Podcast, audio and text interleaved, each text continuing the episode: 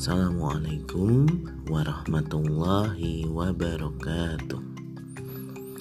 Apa kabar semuanya? Semoga kalian dalam kondisi sehat walafiat.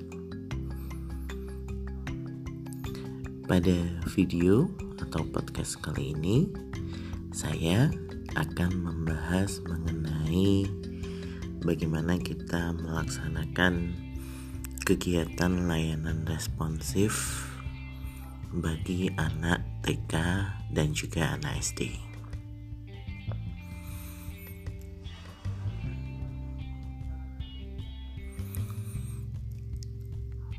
Kegiatan layanan responsif untuk anak TK dan juga anak SD dimaksudkan untuk merespon permasalahan-permasalahan yang sedang mereka alami agar mereka mendapatkan bantuan dalam mencari jalan keluar atas penyelesaian masalah tersebut.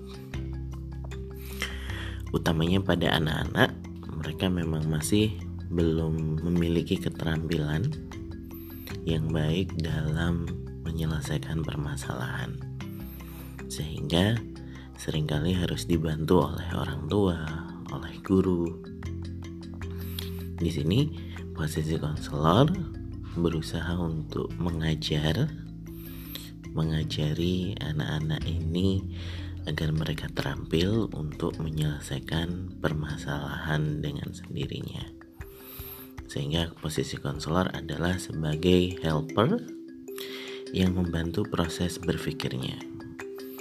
Sehingga anak-anak ini akan memiliki sedikit demi sedikit keterampilan untuk menyelesaikan permasalahan.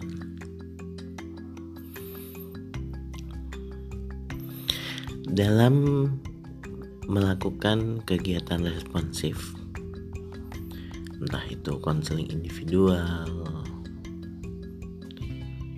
konseling kelompok, home visit,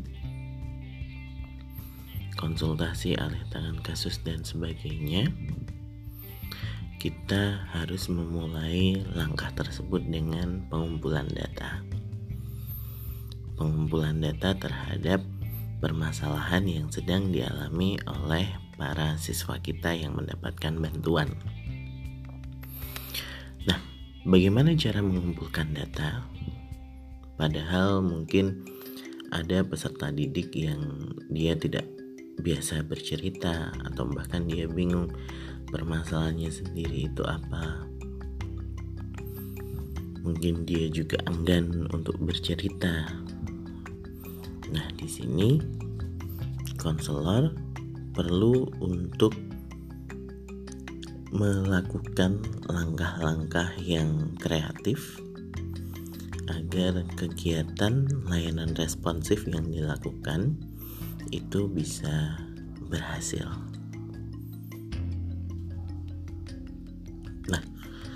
Mengapa kita harus menggunakan proses kreatif?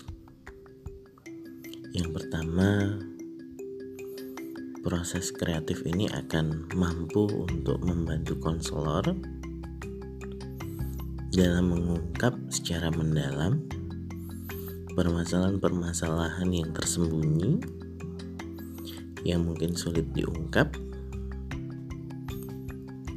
tetapi karena caranya kita menggunakan cara yang kreatif mereka tidak menyadari kalau kita sedang melakukan penggalian terhadap permasalahan. Namun, walaupun tidak disadari prosesnya oleh para siswa, namun kegiatan proses kreatif ini nanti hasilnya akan sangat bagus, akan sangat bagus akan sangat powerful. Yang kedua, mengapa kita harus melakukan kegiatan konseling atau layanan responsif secara kreatif? Karena proses simbolik yang bermakna penggunaan kata-kata yang tepat akan mampu untuk membuat para siswa ini mengungkapkan kalau mungkin saat kita bertanya dengan uh, tanya jawab atau wawancara mereka kesulitan tapi saat kita menggunakan proses-proses kreatif ada non verbal behavior yang bisa mereka tunjukkan sehingga kita bisa memberi makna pada proses simbolis tersebut. Jadi yang kita dapatkan nantinya tidak sekedar kata-kata saja tetapi kita juga harus memperhatikan nonverbal behavior dari para peserta didik kita.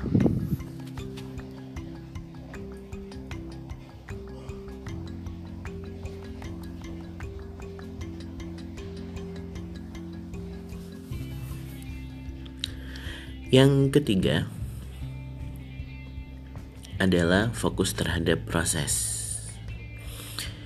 Jadi saat kita melakukan proses kreatif, misalnya kita menggunakan bantuan kita minta mereka sambil menggambar atau sambil bernyanyi dan lain sebagainya. Hal yang penting itu bukan nilai artnya bukan nilai seninya bukan gambarnya bagus atau jelek tapi bagaimana mereka bisa bercerita dari gambar atau lagu yang mereka adaptasi. Kemudian mengapa harus melakukan kegiatan layanan responsif yang kreatif? Karena saat kita menggunakan kegiatan yang kreatif artinya ada medium yang konkret. Nah, medium yang konkret ini bisa atau mampu secara simbolis mewakili diri mereka, keluarga, maupun orang-orang penting yang ada di sekitarnya. Misalnya, saat mereka kita minta untuk menggambar ini adalah saya, ini adalah ayah saya misalnya. Jadi proses simbolisnya muncul dan itu adalah perwakilan yang sangat sangat sangat real dari kehadiran mereka atau keluarga mereka dalam permasalahan yang sedang diceritakan. Nah, itu kenapa dalam kegiatan layanan responsif kita harus menggunakan proses kreatif. Karena anak-anak kecil mereka mungkin masih sangat kesulitan untuk menyampaikan dengan kata-kata secara langsung. Mereka perlu kita bantu dengan meminta mereka menggambar terlebih dahulu, meminta mereka atau menyusun mainan itu akan bisa membuat mereka untuk bercerita, mengekspresikan, bercerita tentang apa yang sedang terjadi. Nah, kegiatan kreatif apa saja sih yang bisa kita pakai dalam layanan responsif, utamanya dalam kegiatan konseling kepada anak-anak? Kalau kita lihat di bukunya Nina Brown, ada beberapa kegiatan yang bisa dilakukan untuk mengumpulkan data atau melakukan konseling dengan anak-anak. Yang pertama yaitu imagery atau menghayal, membayangkan. Jadi anak-anak kita minta untuk membayangkan tentang apa yang akan terjadi apa yang sudah terjadi dan apa yang mereka rasakan. Jadi, kita minta mereka untuk membayangkan Coba bayangkan satu hal yang menurut kamu menyenangkan. Coba bayangkan satu hal yang menurut kamu bisa membuat kamu sedih. Coba bayangkan satu hal yang membuat kamu tidak nyaman misalnya berada di dalam kelas.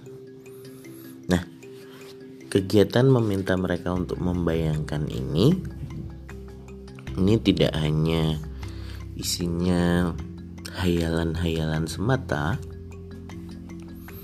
tapi juga akan terpengaruh dengan kejadian yang pernah mereka alami. Jadi misalkan kita minta mereka untuk membayangkan Coba sekarang kamu bayangkan saat kamu tidak mau ke sekolah. Apa yang ada di pikiran kamu saat kamu tidak ingin bersekolah?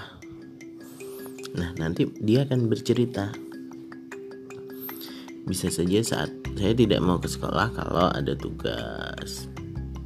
Saya tidak mau ke sekolah kalau uh, karena takut ada teman saya yang sering mengganggu misalnya.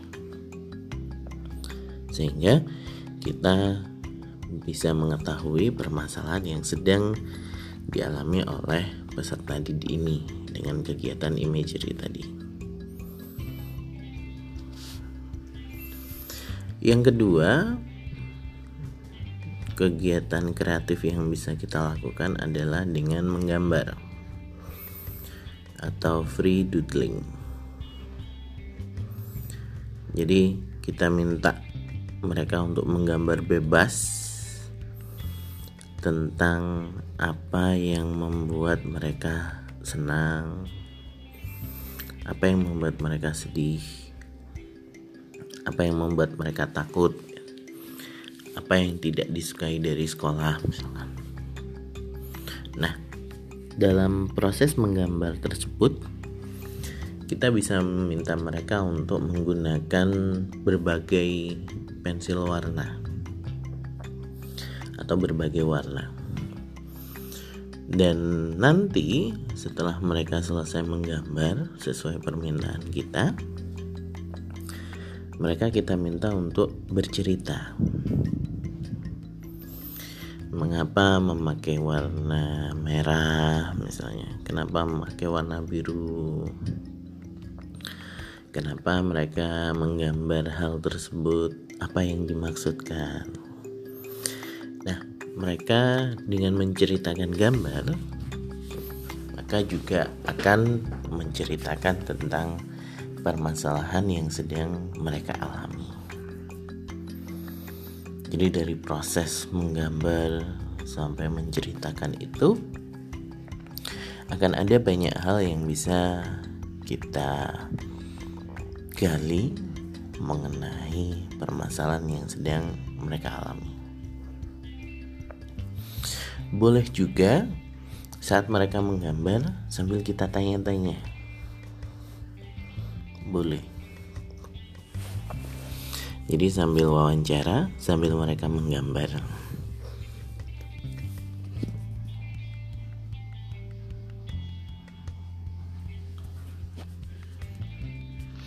Kegiatan yang ketiga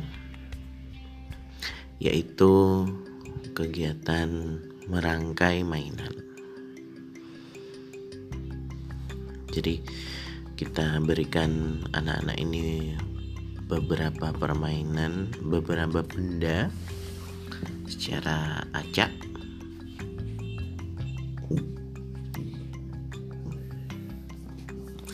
Misalnya kita beri pensil, kita beri mobil, kita beri balok, buku, bolpen dan lain sebagainya. Apa saja boleh Kemudian kita minta mereka untuk mengatur merangkai benda-benda tersebut.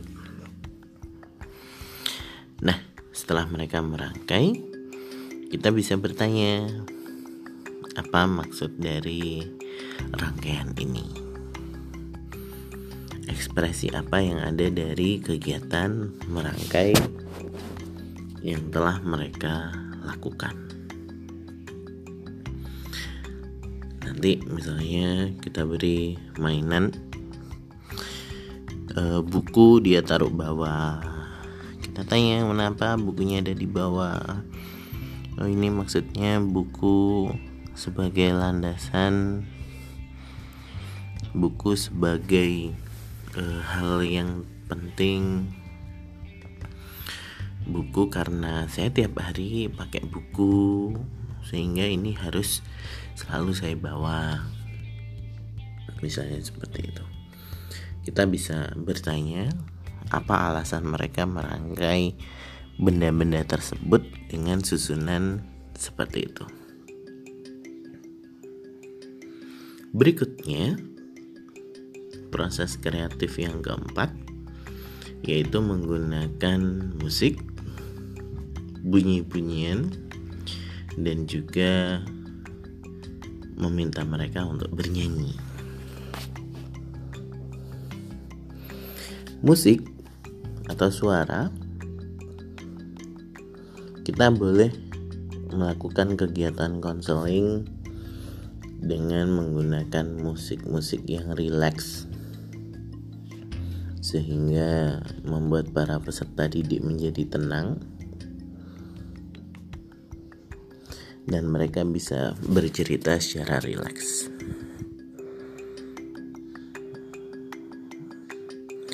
Jadi itu kalau kita menggunakan musik sebagai background.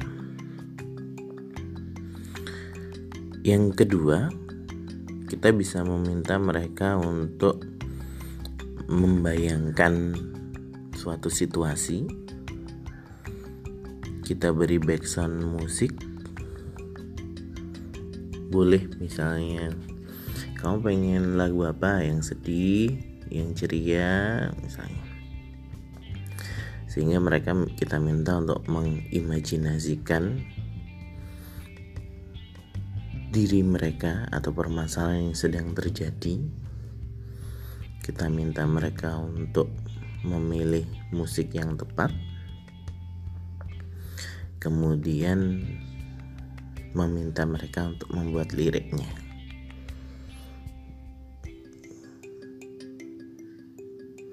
Jadi membayangkan diberi background musik kemudian kita minta mereka untuk bernyanyi.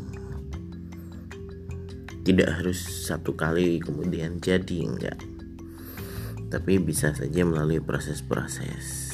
Nantinya kita minta mereka untuk menuliskan liriknya atau liriknya kita rekam sehingga akan muncul perasaan-perasaan akan muncul emosi dari kegiatan mendengarkan musik dan juga membuat lirik tersebut.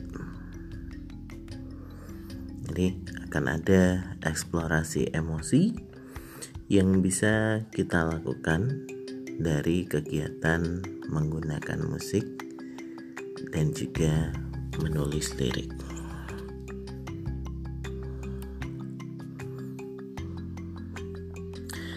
Kegiatan kreatif yang kelima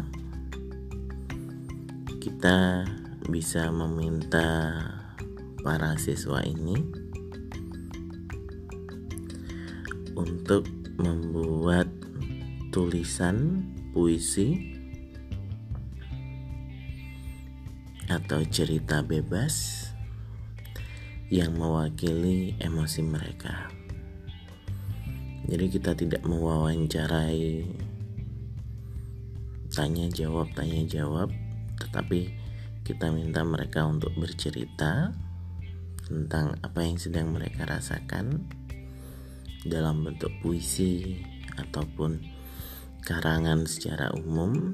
Dan nanti akan kita bahas di akhir atau setelah mereka selesai menulis puisi atau karangan tersebut. Nah, dengan menggunakan cara-cara kreatif seperti ini, anak-anak akan terbuka, anak-anak akan mampu mengekspresikan perasaannya tanpa mereka merasa sedang diinterogasi. Nah, saat kita sudah selesai dengan pengumpulan data, maka kita bisa lanjut kegiatan konseling kita ke proses pengubahan tingkah laku. Silahkan disaksikan di video.